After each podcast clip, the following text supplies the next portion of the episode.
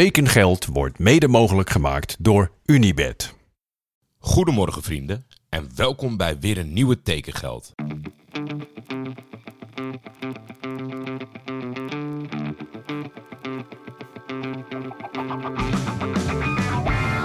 Waar gaat Hildeman naartoe? Ik kan u mededelen dat er overeenstemming is bereikt met Johan Cruijff bij Feyenoord. Navarone voor. Vandaag in andere kleuren, hè? Ja, dat zeker. Dat is wel even wennen natuurlijk. Berghuis, een van de meest besproken transfers ooit, denk ik.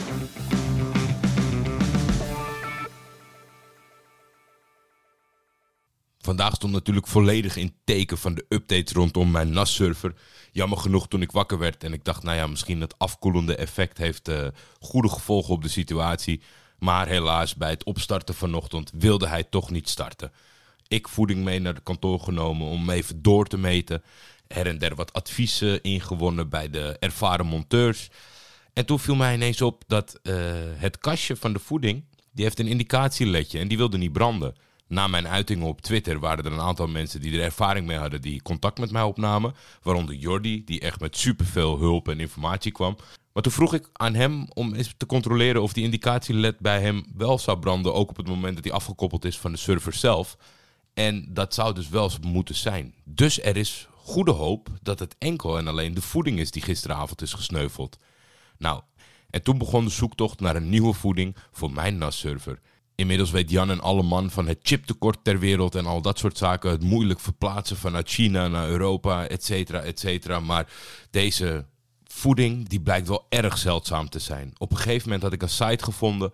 Die hadden zelfs een fysieke winkel in Amsterdam. Hun voorraad op de website gaf aan dat het beschikbaar was. Ik meteen de telefoon gepakt, eh, opbellen van hebben jullie deze voeding liggen? Nee meneer, dat hebben wij absoluut niet. Dat zal wel een foutje zijn op de website. Nou, oké, misschien niet in Amsterdam. Niet zoveel geluk dat ik het vandaag nog kon ophalen. Maar wel gewoon bestellen. En dan zien we het morgen wel. Maar ja, toch in mijn zenuwen rondom dit eh, traject. Even contact opgenomen met de winkel. Ze hadden een WhatsApp-functie. En ik zeg, jongens, hoe zit het ermee? In Amsterdam stond hij op de website dat hij voorradig was. Maar ze zeiden hem niet te hebben. Wordt hij wel morgen gewoon bezorgd? Nee, meneer. Het is een allround fout op de site. En we hebben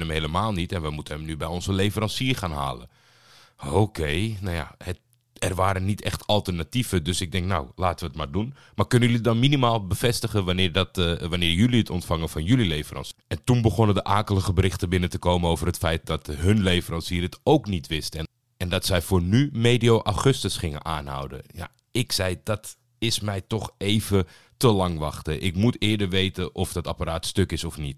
En dan kan het zo zijn op het internet dat je in een soort van fuik zit. Van we zeggen dat het voorradig is of we zeggen dat we morgen leveren. En nadat je betaald hebt en besteld hebt, dan zeggen we van... Oh, oeps, nee, het is toch niet zo, maar eh, hè, eh, het is nou eenmaal betaald.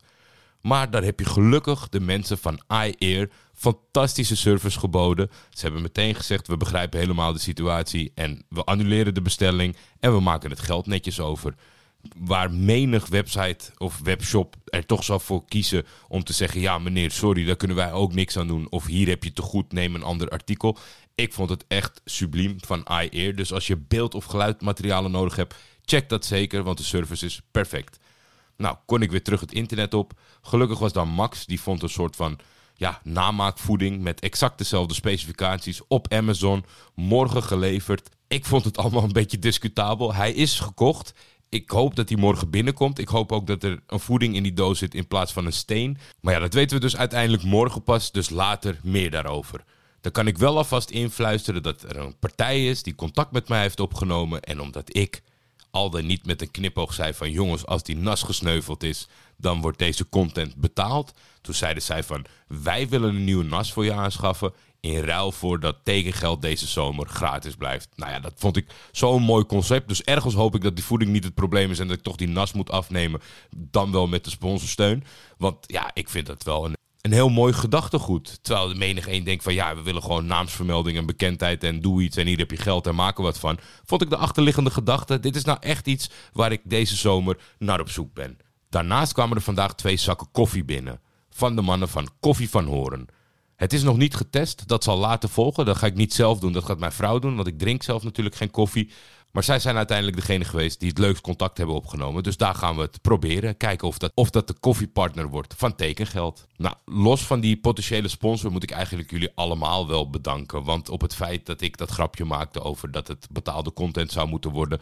Een waslijst aan reacties van mensen die zeiden van nou dat doen we met plezier. Waar moeten we het overmaken? Starten, crowdfunding, weet ik het. Wij ik heb met een schuin oog gekeken naar dat soort mogelijkheden. En het staat mij gewoon enorm tegen. De bedragen van jullie zuurverdiende geld. Wat je moet afdragen naar zo'n platform omdat ze het faciliteren. Dus daar sta ik eigenlijk helemaal niet voor open. Maar het is goed om te weten dat mocht alles in het leven tegen gaan zitten. En de kinderen moeten eten. dat jullie er zijn op dat moment. Dus dat wordt enorm gewaardeerd in dat soort berichten, dan zijn er toch ook altijd mensen geïnteresseerd in zaken zoals Jeroen Dols. En dat merk ik ook altijd wel om me heen bij andere shows. Er zijn gewoon mensen die daarin geïnteresseerd zijn. Sommige podcasters zijn daar heel geheimzinnig over. Anderen zijn daar wat meer open over. Iemand die heel transparant is, die moet ik nog tegenkomen. Nou moet ik zeggen, ik zou wel transparant met jullie willen zijn. Maar de hostingpartij waar ik bij zit, loopt een beetje achter. Dus ik kan het niet altijd even actueel zeggen. Maar Jeroen Dols die was heel erg benieuwd. Ik weet ook niet waarom. Hoeveel luisteraars je trekt met deze podcast. Kun je een inzicht hierin geven? Hashtag mailback. Ja, de mailback is natuurlijk voor voetbal en transfer gerelateerde zaken. Dus ik heb hem maar meteen meegenomen. Nou, ik moet jullie allemaal ontzettend bedanken. Jullie moeten zelf even een beetje hoofdrekenen. Maar we zijn inmiddels de 300.000 downloads gepasseerd. Dus alle afleveringen bij elkaar van iedereen die geluisterd heeft. En ik denk dat dat een schitterend aantal is waar ik aan het begin van deze zomer niet echt rekening mee heb gehouden. Ja, dan toch uh, die arme Jasper hè. Elke keer weer die mensen. Ja, inmiddels lijkt het wel een soort van race geworden in plaats van een vaststelling. Die vaat was er in- en uitruimen. Er worden records na records gebroken. Eerst zag ik al uh, vanmiddag Sissy, die had 3 minuten 24. Dat ik dacht, nou, wie gaat dat aanscherpen? Arnold Jong knalt eroverheen. Die vond ik wel echt heel scherp. 2 minuten 30. Ben je dan nog aan het huishouden of ben je dan aan het werk? Geronimo had 6,5 minuut. Robin had 3 minuten 27. Ja, nogmaals, het is, het is niet echt een wedstrijd. Dus het is ook niet dat nu Arnold Jonk ingehaald moet worden. Maar ja, ik vind het toch grappig dat het blijft hangen bij jullie. En dat iedereen na een aantal dagen toch nog zoiets heeft van... Nou, ik ga mezelf toch ook eens klokken. Jeroen had nog een aanvulling daarop. Hij zegt nog even over die vaatwasser, hè. Ik denk dat het zo lang duurt bij Jasper omdat er mogelijk veel plastic servies in de vaatwasser staat. Die zooi moet je eerst met de hand drogen. Dan duurt het inderdaad lang. Ik weet het niet. Jasper, uh, vertel het. Heb jij een uh, compleet uh, plastic servies? Ik hoop het niet. Ik denk het ook niet. Ik denk als we erachter komen dat je wel een plastic servies hebt, dat we de bereidwilligheid van de mensen om een, om een centje te betalen, dat we die maar moeten gaan inzetten voor gewoon servies voor jou. Maar laat het even weten. Tot slot, Martijn van der Linden die mij in een bericht de invloed van Van Gaal deze zomer, de VEF. Ja, en dan zag je toch weer. Matthijs de Ligt vroeg Louis van Gaal om advies. Hij prees de filosofie van Bayern München. Nou is het ook wel, vind ik, erg makkelijk om op de deur te kloppen bij Louis van Gaal. Als je interesse geniet van, ja, toch wel een van de beste clubs ter wereld en in deze Bayern München. Het is toch ook een beetje een soort van uh, jezelf op de borst kloppen van... Nou, meneer Van Gaal, ik weet het niet hoor. Er is nu een club in mij geïnteresseerd. Zou u dat verstandig vinden? Nou, wie is dat dan, Matthijs? Bayern München. Heeft u wel eens van ze gehoord? Ja, het is ook, wat had hij dan verwacht dat Louis van Gaal ging zeggen? Nee, Matthijs, dat moet je niet doen. Uh, hij, hij is een verdomme zelf nog coach geweest. Ja, dus deze valt niet helemaal in het rijtje van de bemoeienis van Van Gaal. Dit is meer een beetje uit fatsoen dat je opbelt, dat je gaat vertrekken, vond ik.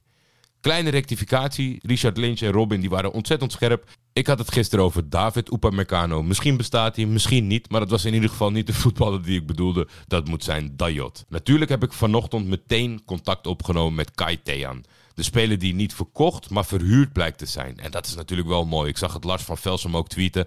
We leven in een tijd waarin Sheriff Tiraspol, een kandidaat voor de Champions League, deelname, eh, sorry, deelname Champions League, die een speler huurt van Top Os. Het kan allemaal. En hij was een klein beetje terughoudend, wel meteen uh, reactie, dus dat, dat klonk hoopvol. En ik was een klein beetje in mijn eer aangetast. Ik dacht, ja, weet je, jongen, ik, ik ben er wel meteen voor je. Mede natuurlijk met dank aan jullie dat jullie me erop attenteren van dat soort transfers. Maar ik sta er meteen, ik wil je de shine, de aandacht geven. En dan ga je een beetje terughoudend doen. Hij had het best wel druk momenteel, zei hij. Als ik heel eerlijk ben, daar had ik zo mijn twijfels over. Maar toen ik later de opstelling zag van Sheriff Tiraspol vanavond in de kwalificatie van de Champions League, zag ik Kai daartussen staan. Dus die heeft vandaag al zijn debuut gemaakt. Uh, niet in Moldavië, want ze speelden uit. tegen het altijd lastige Maribor. Uh, hij kreeg zo'n 25 minuten. Het bleef 0-0. Maar misschien komen we er later op terug als Kai helemaal gezetteld is en misschien niet meteen de eerste dag moet debuteren op Champions League niveau. Dan natuurlijk uh, de transfer die al lang in de lucht hing. Op een of andere manier zitten deze zomer enorme gaten tussen het moment dat het gelekt wordt naar buiten en dat het daadwerkelijk wordt aangekondigd. Je merkt ook wel dat men zich een beetje afvraagt waar dat nou vandaan komt. Het is een beetje ontstaan dat dat zou te maken hebben met uh, uh, mensen die niet zo hard werken, volgens mij van de juridische afdeling. Nou, dat betwijfel ik toch wel ten zeerste. Maar Kelvin Bessie is de nieuwe linker centrale verdediger van Ajax. Linker centrale verdediger zeg ik, omdat ik een goed artikel van Sam Planting heb gelezen op VI Pro. In eerste instantie was hij meer linksback, maar zeker na de komst van Van Bronckhorst heeft hij hem nog amper op die positie gebruikt en heeft hij hem neergezet in het centrum. Om nou hier het hele artikel van Sam voor te gaan zitten lezen, daar heb ik niet zoveel zin in. Er wordt natuurlijk uh, over transfers van topclubs heel veel gezegd en geschreven. Ik vind het in ieder geval een hele leuke optie. Het is veel geld, maar als je net uh, uh, Lisandro Martinez, de plek waar je hem voor haalt, de deur hebt gedaan voor het drievoudige, dan valt deze gok wel te nemen. In alles vind ik het uh, wel een aantrekkelijke transfer. Leuke jongen in de eerste media-uitingen, et cetera. We gaan het niet hebben over of nou continu Basje of Adriaan of er continu Basje en Adriaan grappen moeten worden gemaakt. Dat laat ik in het midden. Daar ben ik neutraal in. Maar voor de rest uh, uh, ben ik benieuwd. En het is ook wel weer een transfer waardoor wat vragen zijn ontstaan bij Ajax. En hoe Schreuder dat gaat oplossen. En dat vind ik eigenlijk best wel leuk naar het seizoen toe. Dat er nog best wel veel vraagtekens zijn voor de achterban en voor de rivalen. Van hoe gaat hij het nou neerzetten? Dat is natuurlijk met de komst van Bergwijn. Veel mensen denken dat hij vanaf links het beste rendeert. Maar daar staat natuurlijk al iemand. Maar dat krijg je nu toch ook wel een beetje. Want je hebt natuurlijk een hele dure linksback gekocht in Wijndal. Daarvan kunnen we eruit gaan dat Bessie niet zijn concurrent wordt en dat hij centraal gaat spelen. Maar dan is dat toch meneer Blind. Zal Schreuder hem op het middenveld neerzetten? Gaat hij roleren? Dat is wel iets om in de gaten te houden. En dan zoals altijd kwam Shorts natuurlijk gisteren met perfecte informatie. Want Dion Malone is inderdaad gepresenteerd op Cyprus bij Carmitiosa Panapelemidion. Ik weet niet zoveel over zijn nieuwe werkgever. En dat heeft te maken met het feit dat het pagina op transfermarkt van de club niet wil laden. Dus ik weet niet of er bekenden van hem spelen. Misschien kan ik daar morgen nog even op terugkomen als er, wat, als er iets interessants tussen zit. Middenvelder Sander Verrijken zit zonder club. Hij mocht vertrekken van het poelerige Helmond. Misschien maar goed ook, want ik kwam erachter dat hij is begonnen bij PVV Helmond. Ja, we gaan het in deze podcast niet hebben over politiek. Maar PVV Helmond, ja, die staat er natuurlijk niet lekker op bij mij. Daarna vertrok hij naar RKSV Mierlo Hout en via Gemert speelde hij zich het profvoetbal in. Ik vind het best wel opmerkelijk dat ze hem hebben laten gaan, want Sander was de afgelopen drie seizoen een basiskracht bij Helmond Sport. Heel benieuwd wie hem oppikt. Het lijkt mij een versterking voor veel ploegen in de KKD. Malik Salouki is de nieuwe rechtsbuiten van ADO Den Haag. De Fransman met Marokkaanse roots verhuilde op jonge leeftijd Caen voor Nice, maar vertrok alweer na één seizoen in het B-elftal naar het Sloveense Maribor. Daar was hij absoluut geen basiskracht en zijn statistieken zijn erbarmelijk. Maar toch zagen Dirk en Daryl het in deze jongen zitten. Ik ben benieuwd of hij mij kan verrassen. Linksback Silian Mokono verhuilt Utrecht voor Heracles. Maar dan is de grootste vraag, heeft Willem Jansen zitten slapen of is dit de eerste Utrecht-speler waarin hij niet geïnteresseerd is? Misschien heeft uh, Willem Jansen wel niet zitten slapen, maar was hij te druk. Want hij heeft wel een andere speler aangetrokken vandaag. Dat is Rick Ketting, een centrale verdediger van 26 jaar oud. Komt uit Nieuwekerk aan de IJssel en was bij FC Inter Turku in Finland op het zijspoor beland. Na een goede periode waarin hij zijn transfer verdiende naar Turku bij IFK Mariehamn. Ik vind het heel moeilijk om hier verwachtingen bij te uiten, dus dat ga ik bij deze niet doen. Heel veel succes Rick in Venlo. Telstar heeft weer een speler. Thomas Oude Kotte komt over van het Deense Fancyvive. Thomas Oude Kotte komt over van het Deense Fancycel FF. Mooie clubnaam. De voormalige jeugdspeler van Vitesse is een linksback en gaat denk ik Telstar wel een kwaliteitsimpuls geven. Want met de smalle selectie van Telstar zijn er weinig spelers die dat niet zullen doen. Dan tot slot Paul Fosumensa, de broer natuurlijk van Alfons Fosumensa en Timothy Fosumensa. Hij vertrekt naar het tweede niveau in Roemenië, ACSM Polilassi. En wij wensen hem natuurlijk met z'n allen heel veel succes, voornamelijk om zijn centjes netjes op tijd betaald te krijgen. Gelukkig voor hem kan hij daar af en toe gewoon Nederlands spreken, want Torino Hunter ging hem natuurlijk eerder deze zomer voor. En dan zijn we er wel zo'n beetje. Of nee, tot slot, ik werd nog uh, net voor de uitzending getagd in een bericht van, door Simon Bekkers. Hij zegt zo te zien weer een gevalletje Mama Keuler. Taha Ali lijkt op weg naar Vitesse. Gespot door Vitesse Insight op Insta. En ja, eigenlijk, het is ja, meer een papa-keulert, want de vader van Taha die volgt uh, Vitesse. Ik weet nog niet veel van Taha, daar gaan we natuurlijk uh, compleet induiken, want over het algemeen stellen de ouders deze zomer absoluut niet teleur. Ik vind het nog steeds opmerkelijk Zeker grappig. Kijk, dit zijn natuurlijk wel de leuke dingen en de terugkerende zaken. Dus die nemen we gewoon mee.